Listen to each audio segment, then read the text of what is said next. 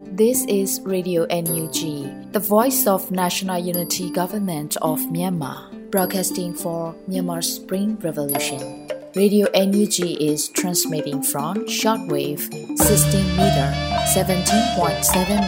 MHz at 8:30 a.m. and 25 meter 11.94 MHz at 8:30 p.m. Myanmar Standard Time. မင်္ဂလာပါရှင်။ မြို့သားညီညွတ်ရေးအစိုးရရဲ့အတန်လွင့်ဌာန Radio NUG ကိုမနက်ပိုင်း၈နာရီခွဲမှာလိုင်းတူ16မီတာ19.89 MHz ညပိုင်း၈နာရီခွဲမှာလိုင်းတူ25မီတာ17.6 MHz တို့မှာဓာတ်ရိုက်ဖမ်းယူနိုင်စေနိုင်ပါရှင်။မင်္ဂလာအပေါင်းနဲ့ပြည့်စုံကြပါစေ။အခုချိန်ကစပြီး Radio NUG အစီအစဉ်လေးကိုဓာတ်ရိုက်အတန်လွှင့်ပေးနေပါပြီရှင်။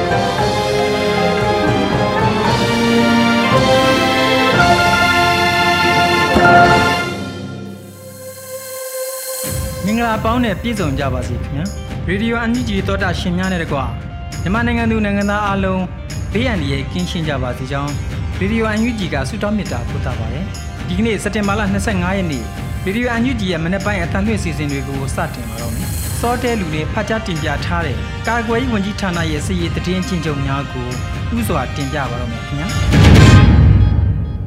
မင်္ဂလာပါ အမျိုးသားညီညွတ်ရေးဆိုရာကာကွယ်ရေးဝန်ကြီးဌာနမှနိုင်စဉ်ထုတ်ဝေတဲ့စစ်ရေးသတင်းအကျဉ်းချုပ်များကိုစတင်တင်ပြပေးပါတော့မယ်။သတင်းများအရရန်သူတပ်သား10ဦးသေဆုံးပြီးတပ်သား20ဦးထိခိုက်ဒဏ်ရာရရှိကြောင်းသတင်းရရှိပါရခင်ဗျာ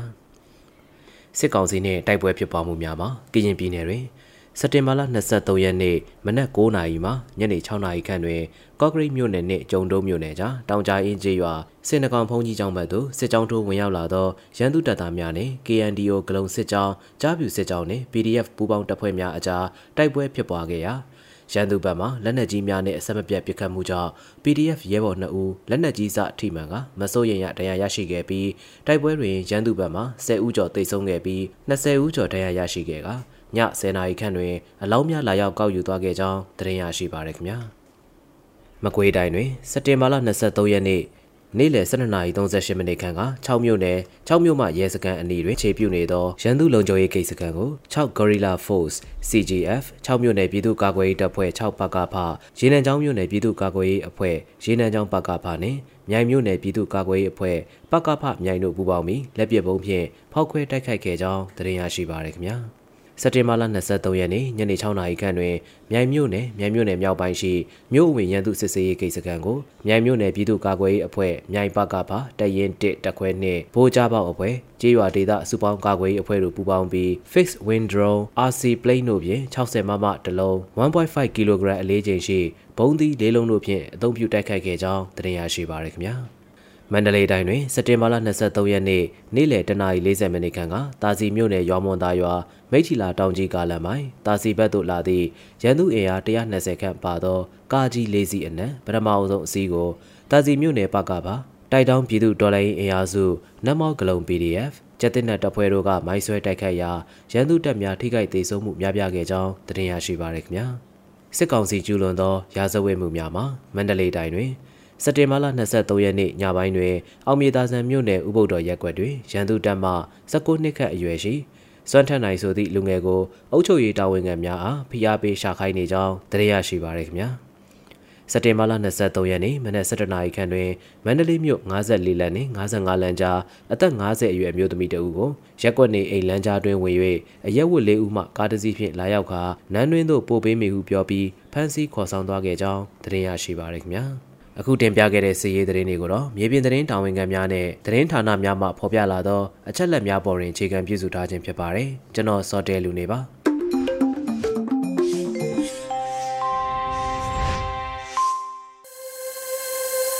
စစ်ရေးသတင်းများကိုနားဆင်ကြရတာဖြစ်ပါတယ်အခုတခါຫນွေဦးမိုင်ဆက်လက်ဖတ်ကြားတင်ပြမယ်ပြည်တွင်းသတင်းများကိုနားဆင်နိုင်ကြပါပြီမင်္ဂလာမနက်ခင်းပါရှင် 2023ခုနှစ်စက်တင်ဘာလ25ရက်နေ့မနက်ခင်းပြည်တွင်သတင်းများကိုဖတ်ကြားပေးပါမယ်။ကျွန်မကမျိုးမိုင်းဖြစ်ပါရရှင်။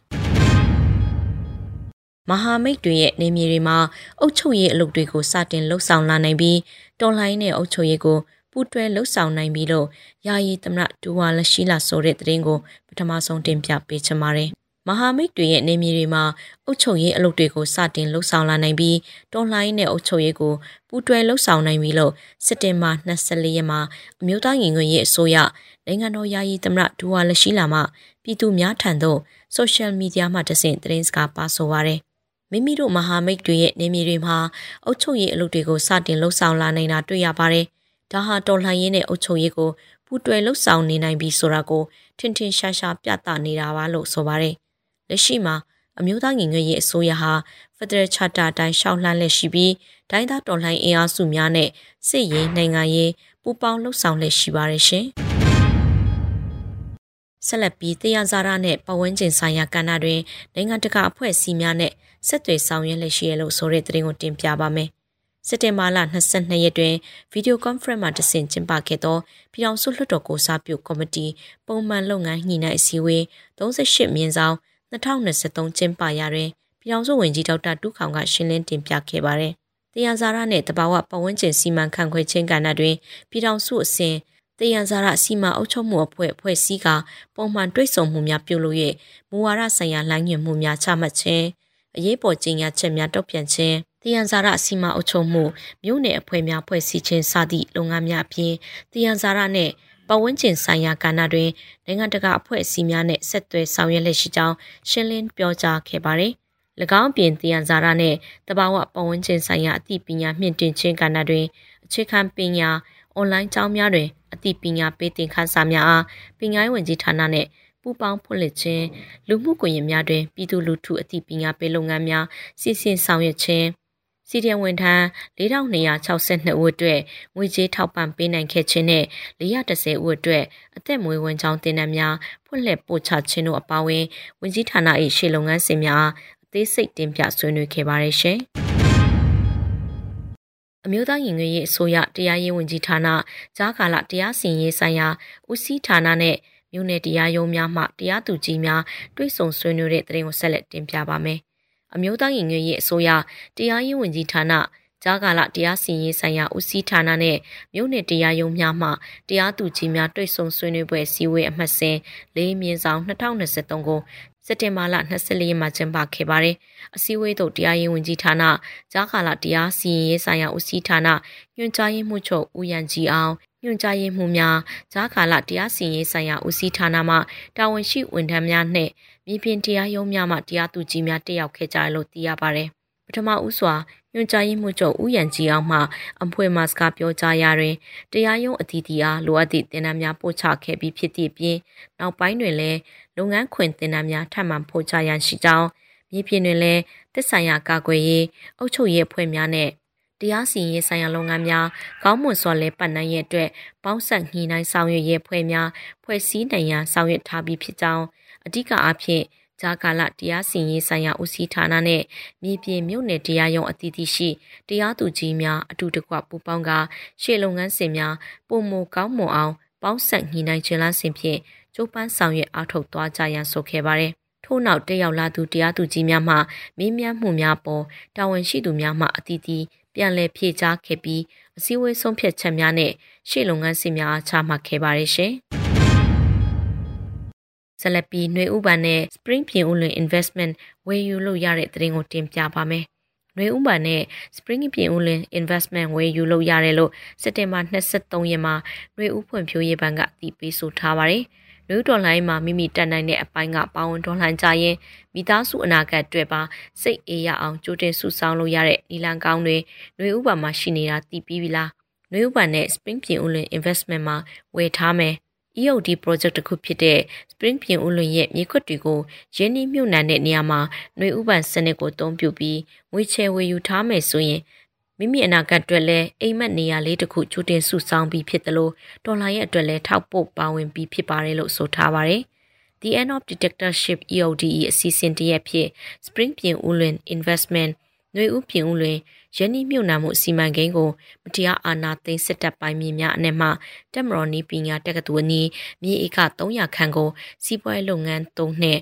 အေးရမြေများဖော်ထုတ်ရန်စီစဉ်ထားပါတယ်။စီးပွားရေးလုပ်ငန်းသုံးဖြစ်ပေတရာပေ200အကွက်များအားမန္တလေးလာရှိုလမ်းမကြီးဖက်ချမ်းတွင်ဖော်ဆောင်မိဖြစ်ပြီးစီမံကိန်းအတွင်ဖက်တွင်ပပေ40ပေ80ကွက်ပေ80ပေ80ကွက်နဲ့တအေကအကွက်များအားလူနေအင်ယာမြေကွက်များအဖြစ်ဖော်ထုတ်ရောင်းချပေးသွားမှာဖြစ်ပါတယ်။ မြေပြိုင်ဆိုင်ခွင့်ရရှိမှာဖြစ်ပြီးကာလပုံစံသုံးပုံတပုံခန့်တန်ဖိုးဖြစ်တာရောင်းချပေးမှာဖြစ်ကဝေပေးချေမှုကိုလည်းဒေါ်လိုင်းကာလအတွင်းနဲ့ဒေါ်လိုင်းကာလအပြီးဟုပိုင်းခြားပေးသွင်းရမှာဖြစ်ပါရဲ့ရှင်။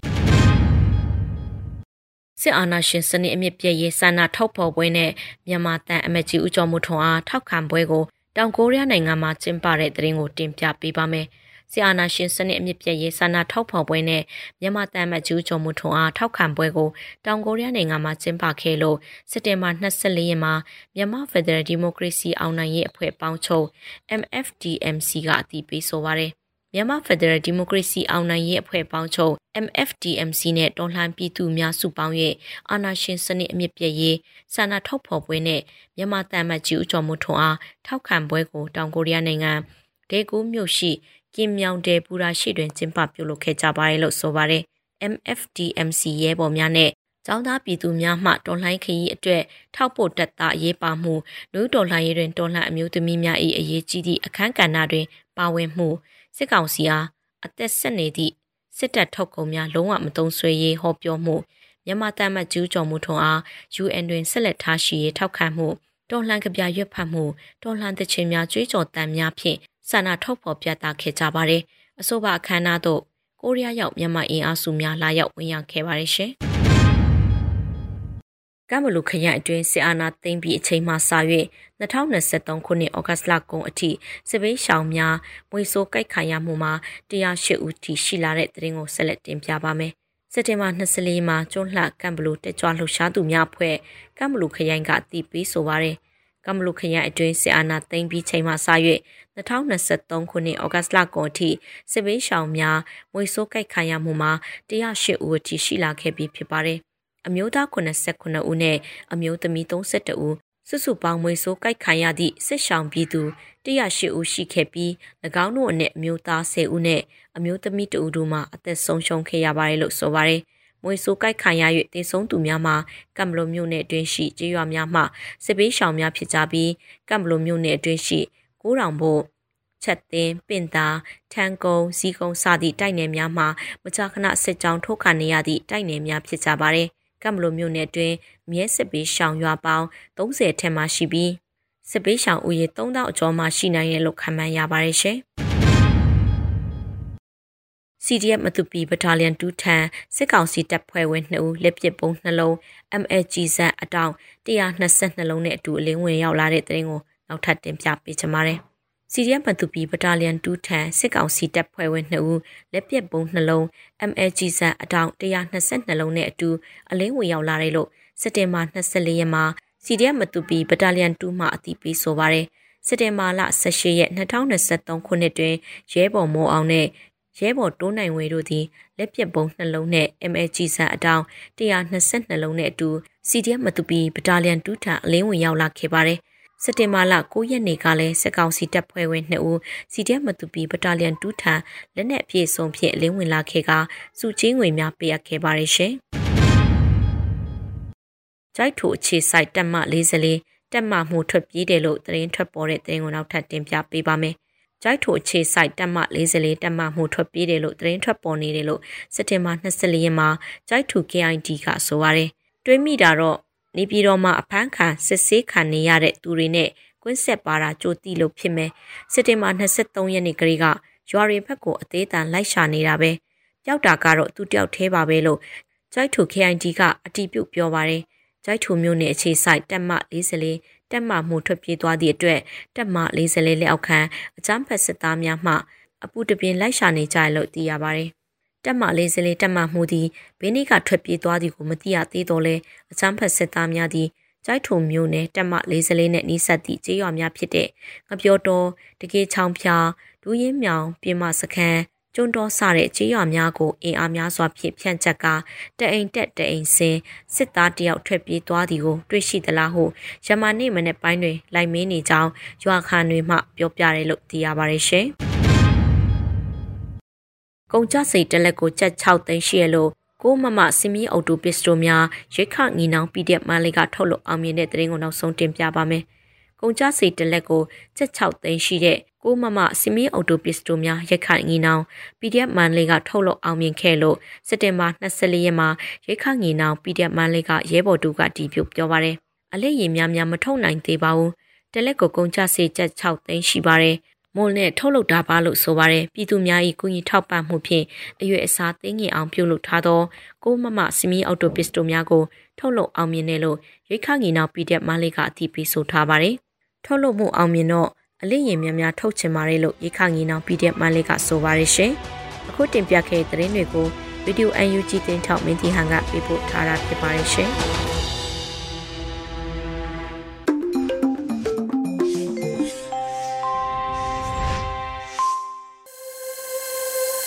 ရေဒီယိုအန်ယူဂျီမှာစက်တင်ဘာလ25ရက်နေ့မနေ့ပိုင်းအသံလွှင့်စီစဉ်များကိုနားဆင်နေရတာပါအခုတခါလှည့်ကြတဲ့တော်လိုင်းကြပြစီစဉ်မှာတော့ အောက်ချင်းမှန်မစ္ဆဂီရီရေးသားပြီးလွတ်လပ်နေဦးခန်းစားရွတ်ဖတ်ထားတဲ့ထောက်ဖို့ပေးပါဆိုတဲ့တော်လိုင်းကြပြကိုနားဆင်ရပါတော့မယ်ခင်ဗျာထောက်ဖို့ပေးပါအဖိနှိတ်ခံဘဝနဲ့အသက်ရှင်နေရမယ်အစားဖိနှိတ်သူကိုတံပြန်အန်တုအနိုင်ယူမှုအောင်ပွဲတွေယူမှသူ့ဘဝတန်ဖိုးရှိမယ်အာနာရှင်လူမိုက်တစုရဲ့ဘူကြချဲလဲမှုအောက်မှာ ကျွန်းတပေါက်လိုကြောက်နေမဲ့အစားကောင်းငုံမခံတော်လှန်တိုက်ခိုက်အသက်ပေးတာမှတို့သမိုင်းလှအောင်မယ်လူလူချင်းတန်ဖိုးမထတဲ့အာနာရှင်အောက်ဒူးထောက်အရှုံးပေးမဲ့စား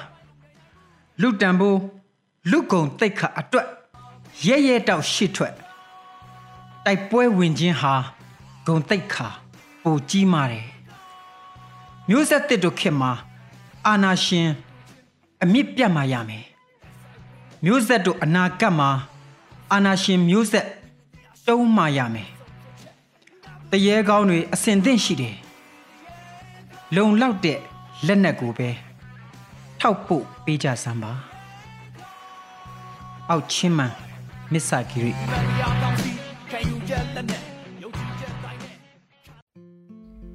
ယခုရက်ပိုင်းမြန်မာနိုင်ငံအတွင်းငလျင်များဇက်တိုက်လှုပ်ခတ်နေမှုကြောင့် ငလျင်ဘေးအန္တရာယ်နှင့်ဆက်လင်း၍ဆောင်ရန်ရှောင်ရန်နှင့်သတိပြုရန်အချက်များကိုထပ်မံဝေမျှလိုက်ပါတယ်ရှင်။ငလျင်ဘေးအန္တရာယ်သည်ဖြစ်ပေါ်မိနေရာအချိန်နှင့်ပြင်းအားတို့ကိုကြိုတင်ခံမှန်းတွက်ချက်နိုင်ရန်ခက်ခဲပြီးငလျင်ပြင်းအားပေါ်မူတည်၍ဖျက်ဆီးနိုင်စွမ်းမြင့်မားသည့်ဘေးအန္တရာယ်တစ်ခုဖြစ်ပါသည်။သို့ဖြစ်ရာငလျင်ဘေးအန္တရာယ်နှင့်ဆက်လင်း၍ဆောင်ရန်ရှောင်ရန်နှင့်သတိပြုရန်အချက်များအားပြည်သူများသိရှိပြီးကြိုတင်ပြင်ဆင်ခြင်းနှင့်အရေးပေါ်တုံ့ပြန်ခြင်းများဆောင်ရွက်နိုင်ရဲ့အကြံပြုတင်ပြအပ်ပါသည် မြမပြည်သူလူထုအနေဖြင့်ဂျမတ်စစ်ကောင်စီ၏ဖိနှိပ်မှုမျိုးစုံနှင့်မတရားအာဏာသိမ်းမှုကြောင့်ဖြစ်ပေါ်လာသည့်လူမှုဒုက္ခအဝဝကိုခံစားနေရခြင်းတွင်တဘာဝဘေးအန္တရာယ်များကြောင့်ထိခိုက်ဆုံးရှုံးရမှုများထပ်မံမဖြစ်ပွားစေရအတွက်အထူးသတိပြုနေထိုင်ကြပါရန်အသိပေးနှိုးဆော်အပ်ပါသည်မြန်မာနိုင်ငံသူနိုင်ငံသားများဘေးအန္တရာယ်အမျိုးမျိုးမှကင်းဝေးနိုင်ကြပါစေရှင်။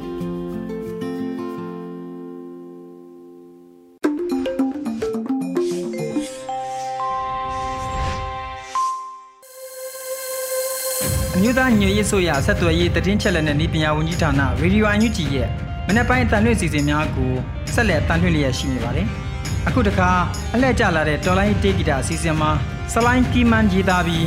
CDF ကန်ပက်လက်ရဲဘော်များစုပေါင်းတီဆိုထားကြတယ်။အိမ်ပြန်နိုင်မဲ့နေ့ဆိုတဲ့တေးသချင်းကိုထုတ်လွှင့်လိုက်ပါတယ်ခင်ဗျာ။ဒီတေးသချင်းကိုဝီတိုရီယာတရေကောင်းစုပေါင်းအားတစ်လောင်းဆိုတဲ့ကမ်ပိန်းမှာ Chin Defense Force ကမ်ပက်လက်ရဲ့ ဝီတိုရီယာတရေကောင်းလူငယ်ကလေးများကစစ်မြေပြင်ကနေတိုက်ရိုက်စုပေါင်းတီဆိုထားတာပဲဖြစ်ပါတယ်ခင်ဗျာ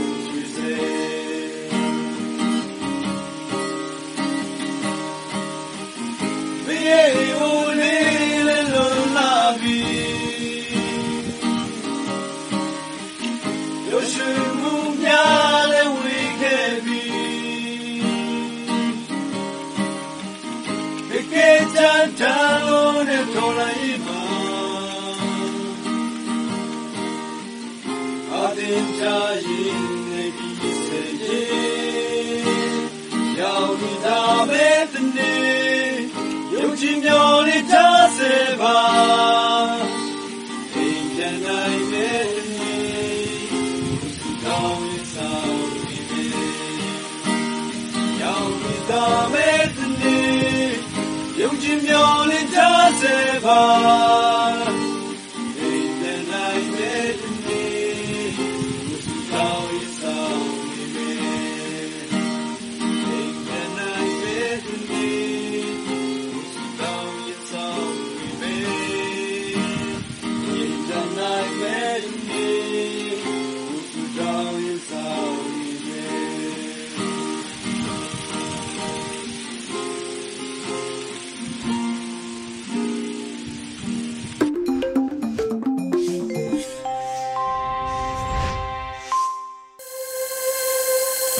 တနေ့ယုံကြည်မျှော်လင့်ထားစေပါတော်တာရှင်များခင်ဗျာဒီကနေ့စက်တင်ဘာလ25ရက်နေ့ရေဒီယိုအန်ယူဂျီရဲ့မနေ့ပိုင်းအတန်လွင့်စီစဉ်နောက်ဆုံးစီစဉ်နေနဲ့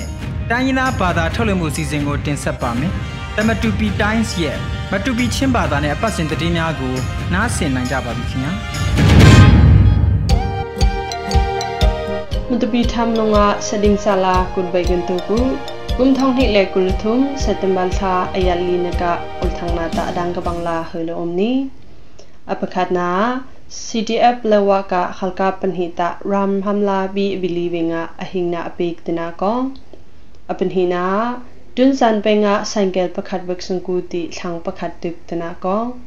apathumna thantlang penga khalka batho donga CDF khalka pakhat tuk atana ko apalina mindat university sing im tenga aka othi donga CDF mindat ka khalka pakhat dik tana kong ne apangana ဖလမ်ခပူယခိုမအလန်လုံငါခိုမင်တိစီထုကစီဟางခိုင်နာအတုံတနာကောဟီကာအုလ်ထန်းနာဟေဟေလအုံနီ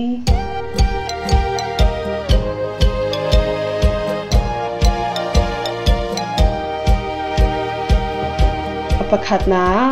Chinland Defense Force plewa ka khalka pla ko om slai mong mong akum kum kul kum nga ne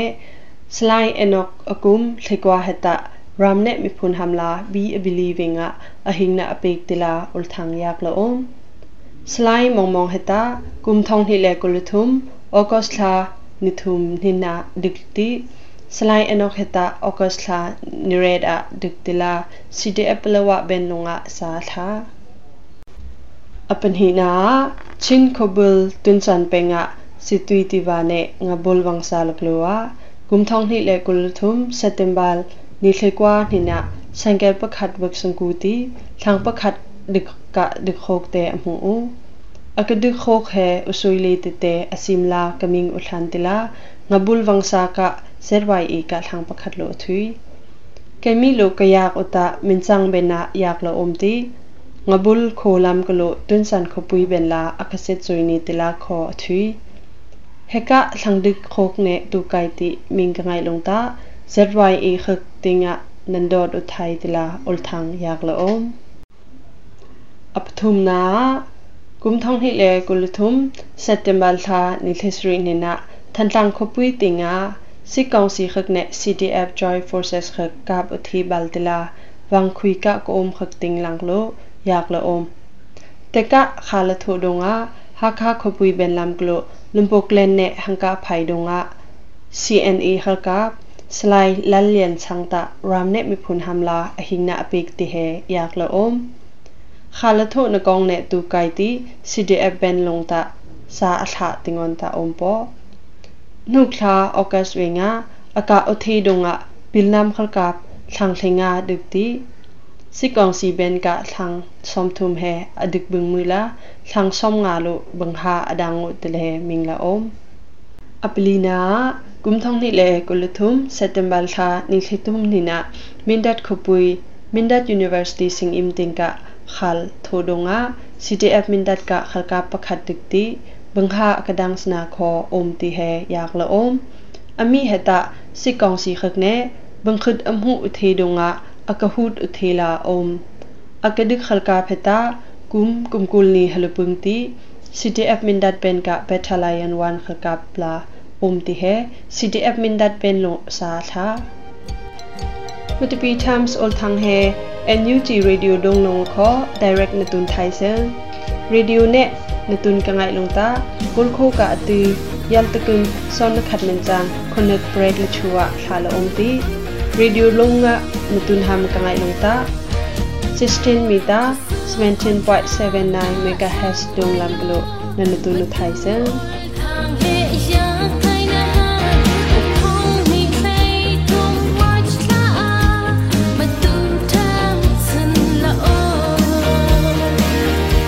tan hin ka matupi times ol thang akan hun bai suwa sal la om ngai na khu nasa ding se namang bai tong se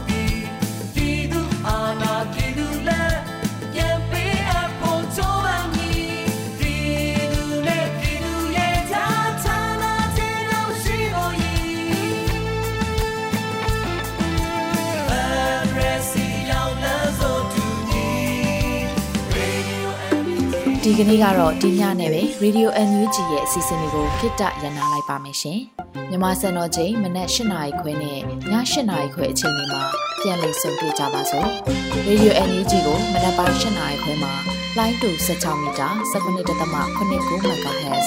ညပိုင်း၈နာရီခွဲမှာလိုင်းတူ25မီတာ17.6 MHz တို့မှာဓာတ်ရိုက်ဖမ်းလို့နိုင်စေနိုင်ပါပြီ။ မြန်မာနိုင်ငံသူနိုင်ငံသားတွေကိုစိတ်နှပြ